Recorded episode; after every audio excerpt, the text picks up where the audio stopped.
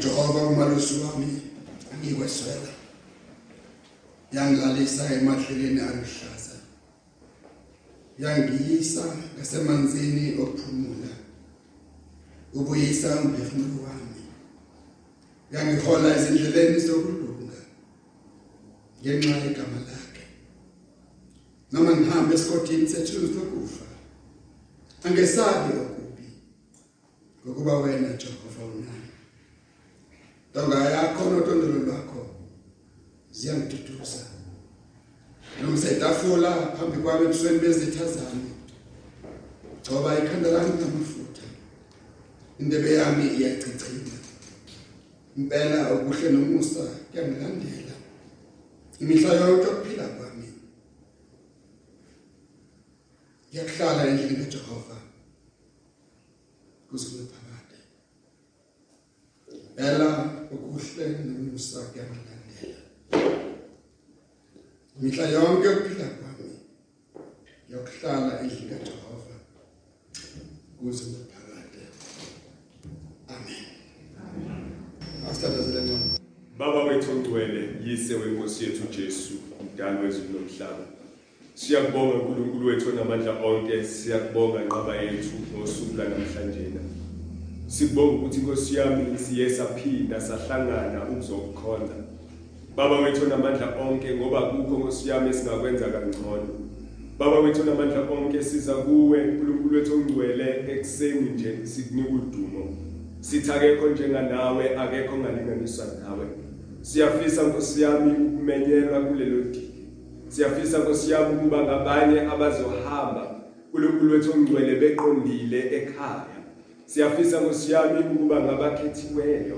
Siyazi kuqinisekilwe ngomoya ongcwele kithi. Lokho okuyinduduzo yethu kusuka namhlanje kuze kube phakade ukuthi wena mawungakithi akukho kungamelana nathi. Siyabonga baba wethu ongcwele ngoKristu. Siyabonga ngendodana yakho siyabonga igodlanga ukuba thina sizuze insindiso baba wethu namandla onke sikunikeza udumo nesibongo nenkazimulo. Kusekuseni uNkulunkulu wethu ongcwele sithulula uqobo lethu. Kusekuseni uNkulunkulu wethu ongcwele siyavuma mhlawumbe asenzanga kahle. Siyavuma ngosiyami sihambile ngokufambuka endleleni. Baba izwa ukukhala kwethu ekuseni nokuxusa kwethu. Lalela ngosiyami iphimbo lethu uma likhala kuwe sinxusa uNkulunkulu wethu. Ukhulume futhi nangezwi lakho kithina. Sikuzwe uNkulunkulu wethu ongcwele usiyala usiqondisa usifundisa ngosiyami ukwenza njengalokhu usiyala. Hlala nathi uNkulunkulu wethu ongcwele ungashiyi baba wethu onamandla onke izwe liyasidinga izwe lifuna ukusilahla izwe lifuna ukusidukisa. Kodwa ngosiyami ekujuleni kwenhliziyo zethu sidinga wena. Phakathi ngosiyami kwemicabango yethu sifuna wena. Baba wethu namandla onke sikufuna ngewonke lethu. Baba wethu namandla onke siphikisana nenyama yethu ngosiyami efunizwe umphefumulo wethu baba wethu ongcwele womele wena. Ulambele kangaka ufuna wena sisuthise uNkulunkulu wethu ongcwele ngezwi lakho. Sisuthise ngobukhona bakho phakathi kwethu. Egameni lika Jesu Kristu waseNazaretha usivuselele. Kusukela kulesikhathi kuze kube phakade siyakucela lokhu ngoKristu Jesu ngokukholwa egameni lakhe. Kusuka manje kuze kube phakade amen. Siyabonga Sengqaba la maBhayibheli ethu savula encwadini kaExodus. Sahluko 14 Exodus chapter 14 verse 13 and verse 14 kufundeka kanje egameni lika Jesu uMose wathi kubantu ningesabi qinani nibone ukusindisa kukaJehova aza kunenzela khona namuhla. Ngokuba baseGibhithe enibabonile namuhla anisayibabona anisakubuye nibabone. Naphakade uJehova uza kumlwela nothula nina amen. Baba izwi lakho lena manje siyabonga kangaka ukulezwa ngalesikhathi sibuse isihlalo senhlizweni zethu. Sisenhla ngalo lingaphumi khona ibisikhumbuzo kuthina amen. Ngikelela umfundisi babonisa bakhona la namadikona khona bakhokheli baholi bonke bebandla bancane nabadala. Yanibikelela egameni lika Christ Nkosi amen. Sengisho into engizwa mude ngehoshoza so ngifuna ukuqedela lokho kusele ngifuna ukukhuluma ngaleli izwi stand still. Stand still and see the salvation of God.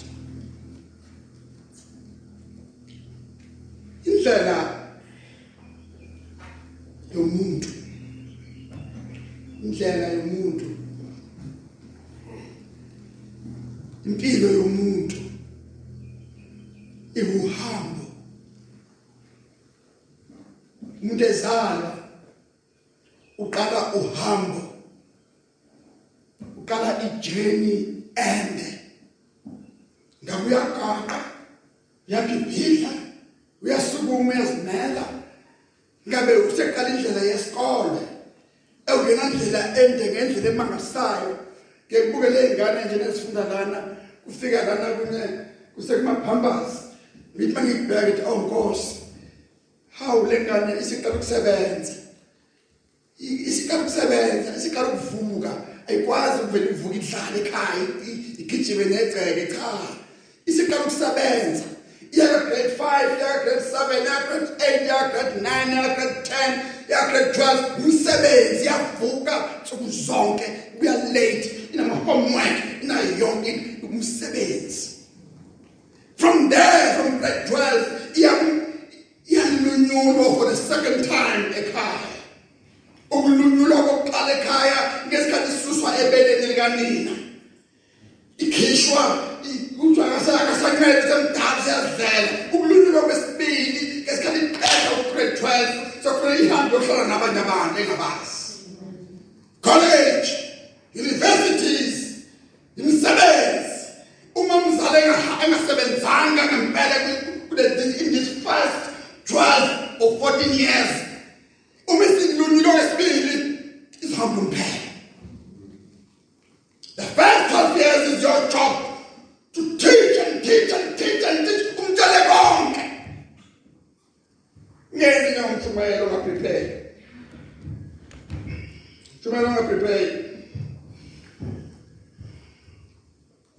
kodwa mesehleli phansi. Sebefakaza abantu bafika isikhathi sokufakaza bayeka bazalwane bafakaza fakaza bazalwane shumayela waqeda isikhathi sokufakaza ngezwe shumayela kodwa umshumayele ongaprepayanga uthi sehleli phansi umuntu athintele athi he nalokho futhi nalokho futhi aphinde umuntu athinte ehe nalokho futhi nalokho futhi no umshumayelo prepare kahle indaba yakhe uthi sehleli phansi relax ngoba akukho akushiyile akukho umthusayo ngakho uma ingane etractor iphuma ihamba umzali unikeza imali athi uyiphatha kahle leyo mali enyanga yonke ngobone phela ngenyanga siphathe kahle ngakho uma uyoqasha eduze kwecollege usiphatha kahle kodwa unyaka uphasa. Ayisekho kuyena sokuyindaba yayo. Amen. And mayiqeda icollege iqeda university umzali sekhululekile usefuna ukubona amanqanga ahlomule ekufundiseni kwakhe. Yes ingane sibuyisa imali ekhaya siletha ukudla ekhaya. Noma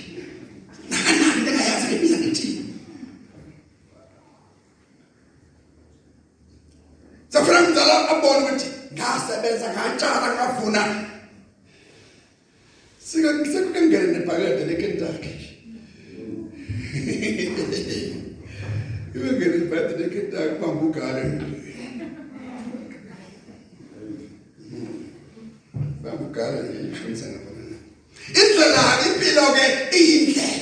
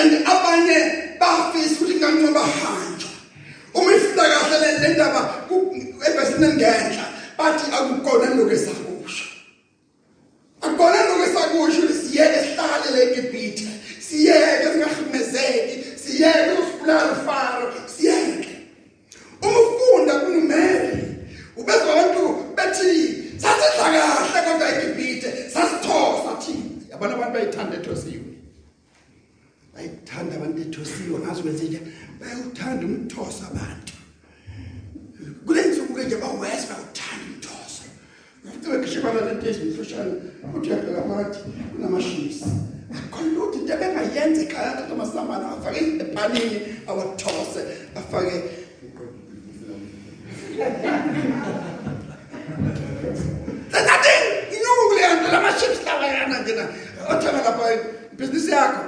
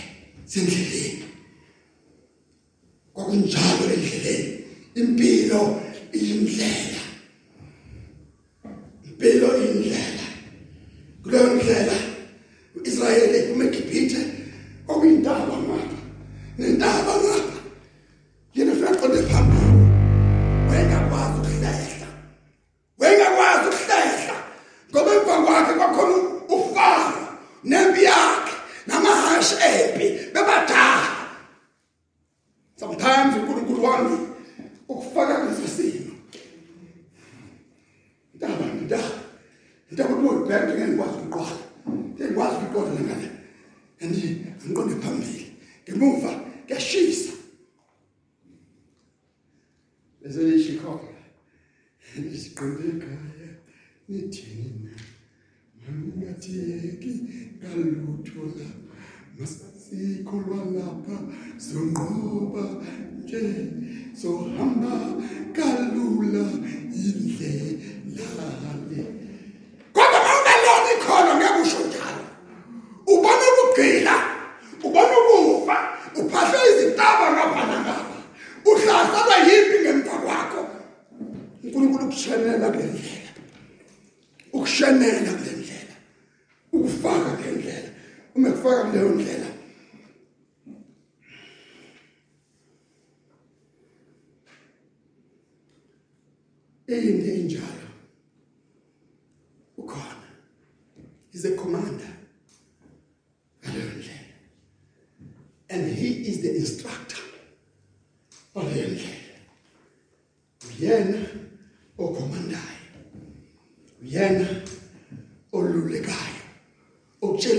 Kanjani lana? Kuhanjwa kanjani lana? Ningesabe ningesabe nansi commandment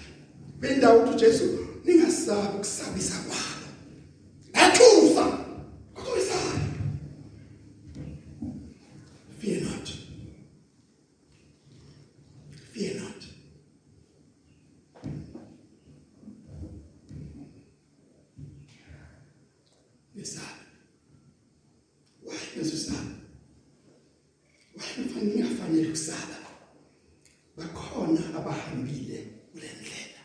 Awuyena oqala sizwana?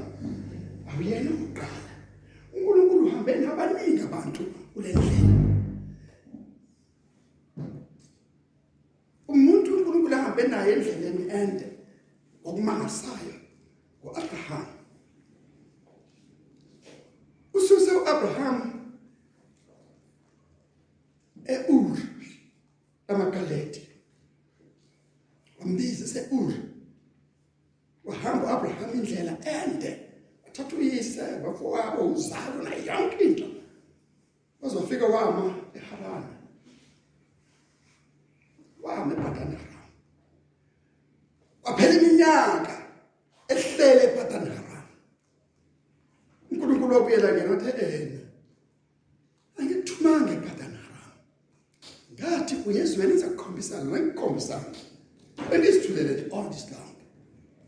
Kodwa namanje ngizathi phuma ezweni lakini phuma endlini kayihlo phuma ehlekeni zakho uyezweni engizakukhombisa lona. In the second call Abraham waphuma. And move back to verse 15 sahloko 15 kuGenesis uverse 1 wakhona. Uthi uNkulunkulu fear not Abraham. I am your shield. Mina ngisihlangu sakho ungesabi ngisihlangu sakho ungesabi Abraham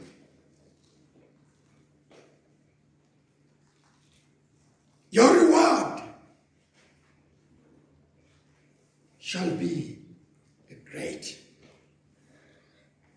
ngesabi nginawe ngisihlangu sakho umkhomelo wakho yokulinganiswa ngalutho kuba bonke abantu emhlabeni. Ngeke umuntu uthola umkhomelo njengoAbraham ubizwa ngokuthi nguyise wamakholwa of all ages. Of all ages. From his time up to your time and after your time. Unguyise wamakholwa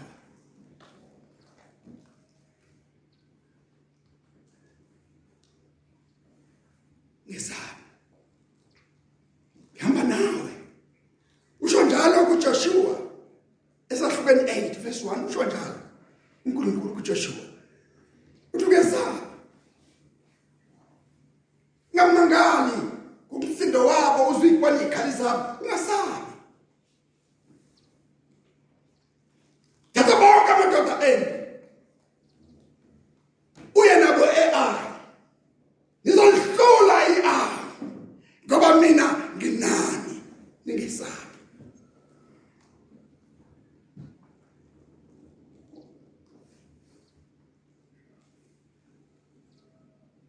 qinani nime isibindi mhlawumbe kulesikhathi bazalwane bazala lesikhathi ufisa nokumphelezela umntanakhe ufisa ukuhamba naye esikolweni. Usaba ngisho umthuma esitolo. Angisaphathi ke methwaweni ngoba ziyathunjwa ingane hayi ukuthi ziyathunjwa ziyathathwa izingane. Azitholakali mase ithathiwe unenhlanhla uma uyithola sebeyihlinzile bayazithatha izingane bazinukubeze ngazi noma ngabiza ukudlongula leyanto bazinukubeze bese besihlinza izingane.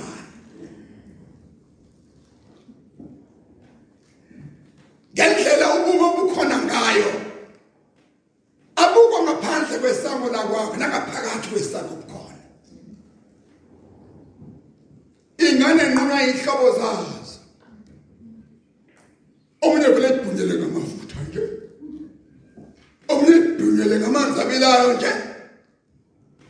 ah senenza mina undaba manje.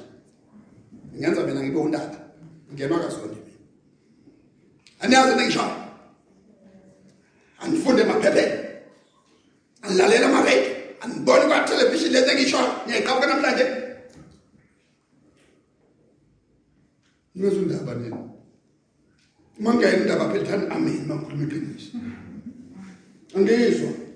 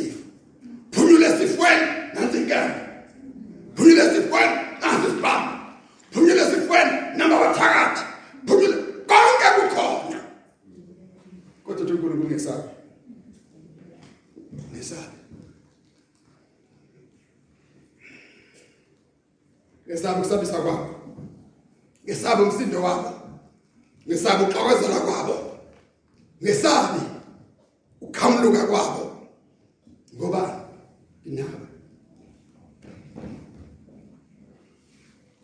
uma uJehova emina kithi bani ukumelana nathi uma usaba hamlanda isiqhwaga sibe ngakwena yanti umuntu onamandla ahlala eduze kwakho and lo muntu onamandla uJesu uma uNkulunkulu engakithi ubani akumelana nathi na ngesabi qinani qinani makholwa qinani bazalwane ningapheli amandla ningaxegelwa amadolo qinani uJehova unathi uzosibuyela qinani lokho izwe likushoyo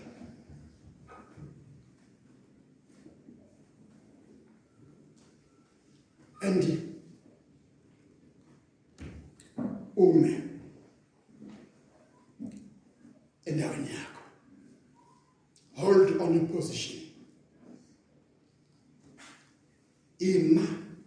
Endaweni yakho ungasuki la uNkulunkulu ekubeke khona ungasuki lezi zimo zenza ukuthi umuntu ayaluze ayofuna into ezomqinisa. Zenza umuntu ayaluze ayofuna nentele ezazophila ngayo. Zenza umuntu ayaluze agcine sefuna amakhathakhathana no hold on your position. Ima lapho uNkulunkulu ekumisa khona. Ima umzalwane ufe umzalwane. ngoba lesi simo sifuna wena ufe ungasakholwa uyafofu lapha enyangeni. Uyafa usufaka imncwadi uyafa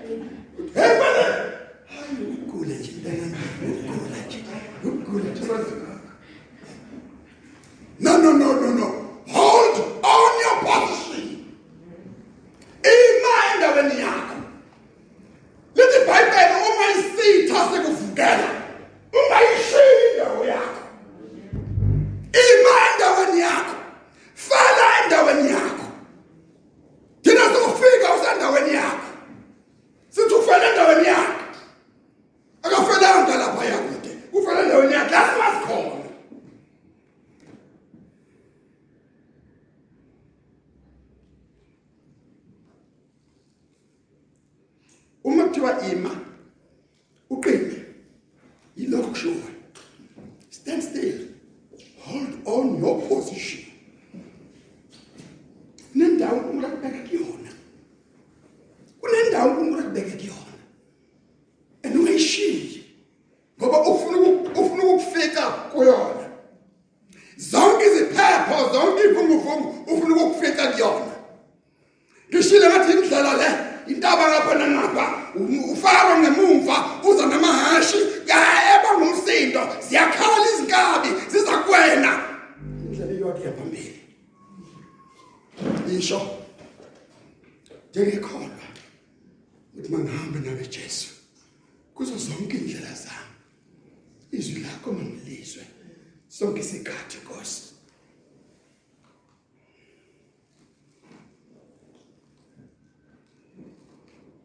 move forward indlela kuya phambili akekho reverse cha kuyiwa phambili qonda phambili ukuze ubone ukusindisa kaJehova. Amen. Ngeke ukubone ukusindisa kaJehova. Umuhlela. Bazalwane bami bantwana bami kwesisikhathi sifanele sihambe zehle inyembezi. Siya phambili zehle inyembezi. Sihambe isikhala kwesisikhathi funa sihambe sihayiza sibuke zona inyembezi esigeleza sihayiza sikhala. siya phambili ayikho indlela yokuhlela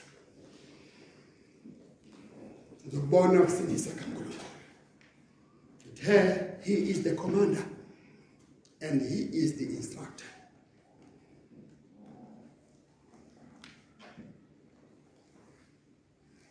Tshintsha indlela obuka ngayo izinto. Ngokubuka izinto kwamehlo kwesaba. Usukwesaba manje. Usukusaba ukusaba ukwesabisa kwabo. Yethi bawuzumsindo oho. Sibajwayele kubanga umsindo. Hayi sibaswajwayele umthetho wabo banjena masibehla into zabo. Tshintsha indlela obuka ngayo izinto. uNkulunkulu uzovula iminyango phambi kwakho. wayivula indlela ohl- e- e- olwandle bezalwane khuluma namaKristu he olwandle lubovu kwavuleka indlela amanzi ama ngala awudonga ama ngala awudonga bawela emhlabathini owomileyo abakhwicanga. Azange bakhwice. uNkulunkulu wavula indlela ehlane enakulelihlane nakululwandle kusaseyivula uNkulunkulu indlela. And empilweni yakho mhlawumbe namhlanje nakusasa izinto ziphithene awuboni lutho. God will open new avenues in your life indlela ezintsha mhlawumbe uthi uyathandaza kuphela umthandazo ngoba indlela ziphithene kuwena awazi uzothatha mhlawumbe nani but imali awukhona umbize. Still ima. Imuqinile imuqinile ngesabi nizobona ukusindisa kukaJehova. Zombona uNkulunkulu ekhulula. Zombona uNkulunkulu exercise amandla akhe. Njoba enze njalo elwandle elibovu uzokwenza namanje. uNkulunkulu unathi ehlanela. Kuleli hlala unathi. Unathi lapho sibona usathani ehamba ngezinyawo emgwaqweni lobu bubi esikubonayo sathana uphumile esikhokho ngoba sishiya uhamba ngezinyawo lemgwaqweni wenza into ongakaze uyibone uNkulunkulu uzakulwela. Nothula nina.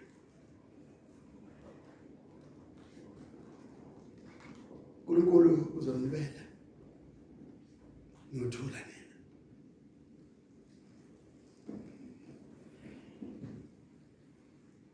Tshela uNkulunkulu uthi ngilwele baba. Ngilwele inkosi Jesu. Ngilwele inkosi yami.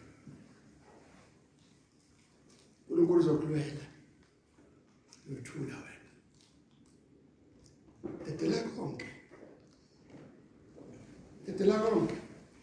Kwesiphi isikhathi ke kube sengathi uhlulekile.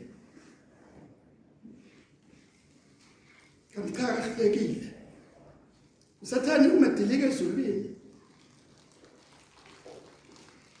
Ehlane 130 yezingilosi 330 yezingilosi lithi iBhayibheli izingilosi ezonakala esingagcinanga ubukhosi bazo. uNkulunkulu asiphonsa ekulahleni ngaphakathi. Izingilosi ezashiya iposition yazo. uNkulunkulu asiphonsa ekulahleni ngaphakathi. That is why i'm saying to you today do not lose your position. Njengomkristu stand still. Njengomholi isdouble umholi webandla ima ngokuphindiwe ngoba bonke lamehlo abheke kuwena. Abheke unyakazo omncane azonyakaza nawe bese bethi hayi phela umfundisi lona ebesimlimi esimhamba naye naye sengathi usevele wakhohlwa sevele wakhohlwa akasekho samboni samboni stand still. Ngesabi ingesabi sizodlula icovid sizodlula le dark age esibhekene nayo sizodlula le ndlala sengikhuluma nomunye izolo ngithi mina indlala usathane uyisebenzisa ukumanipulate imiqondo yabantu umuntu olambile ungamenzisa noma yini and uvuma noma yini umuntu olambile and uNkulunkulu uzoyidlulisa nalendlala uNkulunkulu ufuna sime nasekwesweni umsebenzi. Siswele umsebenzi kodwa sime kuyena. Sime kuyena. Sime sikhala. Sime sixakekile. Sime kuyena. Don't move an inch. Don't lose your position. Jehova uza kunilwela nothula nina I your situation. Angisazi isimo nempi obhekene nayo. Leli lizwe namhlanje Jehova uzakuqhubela uthula uthula wena. Mina ndaba ukuthi isimo sisemndenini ekhaya kini sikwakhe endlini kunendaba ukuthi ukuthula kusekho endlini impi ile ekhaya but uJehova uzokulwela uzothula wena uzothula wena angikhathali noma isimo sikamlungu la usebenza khona uyabona ukuthi sekusele umlungu utshela igama elilodwa ukuthi hamba thula thula enye inkinga usathana isebenzisa kuthina ukukhuluma njalo khuluma njalo akuvela izimo uthi shut up bambe position tshela